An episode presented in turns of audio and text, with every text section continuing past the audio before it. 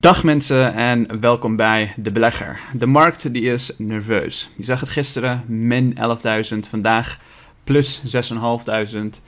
Net 2% in de plus en eigenlijk iedere andere beurs die je kunt voorstellen staat volledig in de plus. De AX bijna 2%, de Nasdaq bijna 2%, de S&P 500 1,5%. En de reden dat de markt zo nerveus is, gaan we zo meteen bespreken. Ik je, uh, we hebben het al een aantal keer besproken, maar we gaan nu iets meer gedetailleerd daarin, waar dat aan ligt en waar het door uh, komt.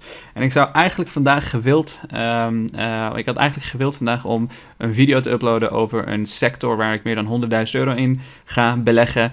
Maar ik was iets te enthousiast. Dat komt hopelijk morgen. En de reden is puur en simpel, ik ben bezig met een verhuizing. En uh, iets minder tijd gehad om een gedegen video te maken waarin ik je uh, alle verschillende feiten meeneem over dat specifieke sector. Dus komt morgen. Uh, maar vandaag gaan we het hebben over een aantal andere zaken die belangrijk zijn. Ik laat jullie niet wachten. Laten we eerst even kijken naar wat er vandaag op de beurs aan de hand is. Als je kijkt naar de AEX plus 1,84. ASML bovenaan. Een bedrijf die ontzettend sterk is, maar wel heel hoog gewaardeerd is. Een bedrijf die iedere keer als de beurs naar beneden gaat, op dit moment uh, klappen krijgt. En vandaag zie je eigenlijk iedere aandeel die je kunt voorstellen in de plus. De enige aandelen die in het rood staan zijn Heineken, Axo Nobel en Unilever. Um, en die staan echt heel licht in de, in, in de min eigenlijk. Unilever wordt ook een interessant verhaal trouwens. Um, daar is Ben Jerry's, misschien ken je het van de ijsjes, die uh, is best wel activistisch van aard. En die heeft ervoor gekozen om Israël te boycotten. Omdat Israël Palestijnse land bezit. En uh, Ben Jerry's vindt dat zij in ieder geval in dat gedeelte van het land uh, niet meer mogen verkopen. En daarmee raak je een aantal mensen natuurlijk, trap je een aantal mensen in hun teentjes. En vooral mensen of ehm, pensioenfondsen in de VS. En de reden daarvoor is, pensioenfondsen zijn bij de wet verboden in de VS om niet in bedrijven te beleggen die uh, Israëlische doelen uh, boycotten. Heel interessant hoe dit gaat verlopen voor Unilever, maar het zit wel in een dalende trend. En uh, wat mij betreft heeft Unilever nog steeds fantastische producten, een prima dividendrendement. Dus als die daling echt heel ver voor zit, dan zou ik gek zijn om zelf niet wat Unilever bij te kopen. Dus ik hou ze scherp in de gaten. Op dit moment doe ik nog verder wat dat betreft niks. Uh, maar voor de, voor de rest, alle andere beurzen volledig in de plus. En uh, die nervositeit wat je gisteren zag en vandaag, eigenlijk zie je dat uh, continu terug. Laten we eerst even kijken naar wat de Nasdaq de afgelopen tijd heeft gedaan. Nou, vandaag 1,75%, maar als we de afgelopen vijf dagen kijken, zie je eigenlijk een dalende trend. Met elke dag eigenlijk dat er een dip is, wordt het ook daadwerkelijk bijgekocht. Als we naar een maand kijken, zie je die trend ietsjes versnellen. Je ziet bijna 6% of bijna 7% um, uh, daling uh, op het alle, allerlaagste punt en in totaal 6% daling. Als je naar zes maanden kijkt, dan zie je um, dat het eigenlijk wel meevalt. het afgelopen half jaar staat de Nasdaq nog steeds dik in de plus, 8% in de plus. als we naar het afgelopen jaar kijken, staat de Nasdaq tech-aandeel, uh, tech-index uh, voor mensen die het nog niet kennen, 27%, uh, 27% in de plus. Als we naar de afgelopen vijf jaar kijken, naar een heel ander verhaal. Dus eigenlijk is dit maar een heel klein dipje in, in de Nasdaq. En ehm, het stelt eigenlijk niet zo heel veel voor, maar de trend in de afgelopen maand is eigenlijk nog steeds naar beneden. Dus ik zou er niet van uitgaan dat tech-aandelen morgen vandaag uh, weer uh, kaart omhoog zullen gaan. Ik zelf ben heel voorzichtig die dips aan het, uh, aan het bijkopen. Want de Nasdaq die mag dan misschien 6% dalen. Maar er zijn bedrijven die veel sterker dalen, die, veel, die heel sterk zijn ook van, van aard. En dat zijn de bedrijven die ik bij sterke dalingen ook gisteren bijvoorbeeld heb bijgekocht. Nou, die bedrijven die doen het dus nog steeds best goed, waardoor ik ook een redelijk rendement vandaag heb kunnen behalen. Voor de mensen die lid zijn en je hebt uh, toegang op Discord tot de ledengedeelte, je weet welke transacties ik uh, heb gedaan. Bekijk het nog eens als je lid bent en je hebt het nog niet gezien. Ga even naar Discord en bekijk die transacties, zodat je weet uh, welke bedrijven ik bedoel. Um, laten we even kijken waarom de markt zo nerveus is. We hebben het al gehad. Uh, de grote jongen, uh, de grote uh, boze jongen is natuurlijk inflatie. als je kijkt naar CNBC, CNBC had het ook over de Nederlandse inflatie bijvoorbeeld. November contracts at the Dutch TTF hub, a European benchmark for natural gas, were trading around 118 euro's per megawatt. Nou, wat, waar hebben ze het over? ze hebben het over gasprijzen, niet alleen in Nederland, maar eigenlijk over heel Europa, die op dit moment gigantisch hard zijn gestegen. En dat komt omdat de vraag naar gas vrij hoog is. En het aanbod is vrij laag. Nederland heeft de gasleidingen in Groningen stopgezet. de gaswinning bedoel ik. En Noorwegen heeft ook bepaalde gaswinning stopgezet. De, er is volgens mij iets mis met de productie daar. En om die reden zijn gasprijzen met 400% gestegen begin van dit jaar. 400%.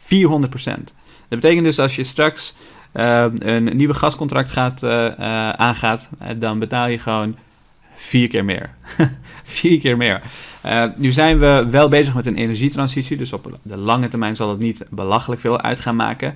Maar nog steeds is een groot gedeelte van Nederland en vooral de UK en Duitsland ontzettend afhankelijk van uh, gasprijzen. En dat is iets wat op dit moment heel veel beleggers zorgen baart. Omdat er heel erg veel um, inflatie is in de energiesector. Um, dit is waar ze het over hebben. Als ze het hebben over de gasprijzen, de TTF Dutch Gas Futures. Je kan het uh, zoeken op de ice.com. En je ziet eigenlijk is het altijd best wel steady gebleven. Uh, terwijl als je kijkt naar de afgelopen maanden, sinds april, is het in een stroomversnelling geraakt, waardoor het 400% gewoon simpelweg uh, gestegen is. Wat echt bizar is. Dit is iets wat je de afgelopen uh, 12, 13, 14 jaar niet gezien hebt. Dit zie je vaak wel rond de crisissen overigens. Um, dan gaan we het zo meteen hebben. Ook als je kijkt naar crude oil, dus de olieprijzen. Daarom zie je ook een bedrijf als Shell hier uh, uh, van profiteren. Um, zie je dat dat ook ontzettend hard is gestegen. Van iets van uh, 36 per vat is het bijna 80 per vat. Dus ook verdubbeld in de afgelopen, in de afgelopen jaar. alhoewel als je de afgelopen vijf jaar kijkt, valt het ietsjes mee. Als je de afgelopen Um, als je hier kijkt, we zijn zelfs in een min. Dat was tijdens COVID. Mensen die mij tijdens COVID hebben gevolgd, die hebben ook gezien waar dat aan lag. Daar heb ik ook video's over gemaakt, precies rond die tijd. Je zou ook terug kunnen gaan naar mijn oude video's, dan zie je waar dat aan uh, lag. Uh, olieprijzen waren min. Uh, je, kon letterlijk geld verdienen door olie te, te, verkopen. Maar goed. Um, en als je kijkt naar de afgelopen 25 jaar, de, afge, de vorige keer dat dit gebeurde, zie je ook in 2008. Crisis, kredietcrisis, ontzettende stijging van uh, energieprijzen. En dat is ook wat je dus nu in Europa bijvoorbeeld aan het zien bent. Uh, in Europa en ook in de VS zie je precies hetzelfde. Energieprijzen reizen de pan uit. En um, hier is een verschil. Dus wat je hier ziet, dit oranje ding, uh, dat, is de, dat zijn de energieprijzen. En eigenlijk andere, andere, alle andere prijzen die blijven redelijk stabiel. Alhoewel je ziet ze wel enigszins stijgen. Food en alcohol blijven redelijk stabiel. Um, Non-energy eh, industrial goods blijven redelijk stabiel. Services blijven redelijk stabiel. Dus als je kijkt naar wat de centrale banken zeggen, uh, zowel in de VS als in Europa, die zeggen dat dit tijdelijk gaat zijn. Dat die energieprijzen weer normaal zullen gaan worden. Het is een kwestie van vraag en aanbod. En dat um, eigenlijk buiten die energieprijzen inflatie wel redelijk meevalt. En dat is ook wat de markt nu aan het uitvogelen is. Daarom is de markt ook nerveus. Gaat die inflatie tijdelijk blijven? Of gaat die inflatie um, iets eenmalig zijn en is, het straks, zijn we straks weer terug bij 2% inflatie ruwweg. Want dat is ook een beetje het doel van inflatie in het Westen. Om het rond de 2% te houden. Dan heb je net genoeg innovatie, net genoeg geldontwaarding om te zorgen dat je een fantastisch florerend groeiende economie hebt die, uh, waar iedereen in het land en in de omgeving van profiteert. Dus ik hoop dat dat je, dat, je een beter beeld geeft met wat er aan de hand is op de beurs. Uh, een beter beeld geeft bij de in, uh, wat er op inflatie, qua inflatie aan de hand is. ik zelf sta op dit moment achter de centrale bankiers. Ik denk dat ze gelijk hebben. dus zie je eigenlijk overal iedere keer tijdens een crisis weer terug. Dat die inflatie qua energie keihard omhoog gaat. Um, Covid is overigens um, ook ja, uh, niet echt een uh, soort crisis geweest die we kennen, waardoor heel veel uh, productiecapaciteit stil is gaan liggen.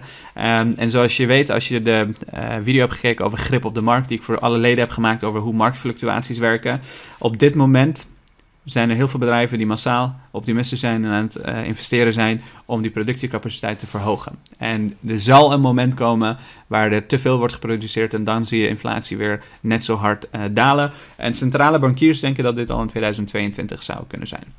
Dus heel benieuwd wat er gaat gebeuren, maar die nervositeit blijft en de beurs blijft nog steeds naar beneden trenden.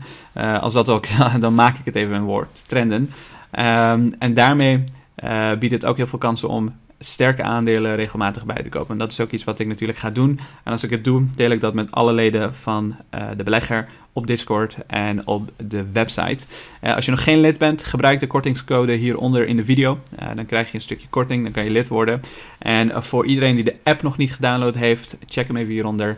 het is alleen beschikbaar voor Apple gebruikers. En dank voor het kijken.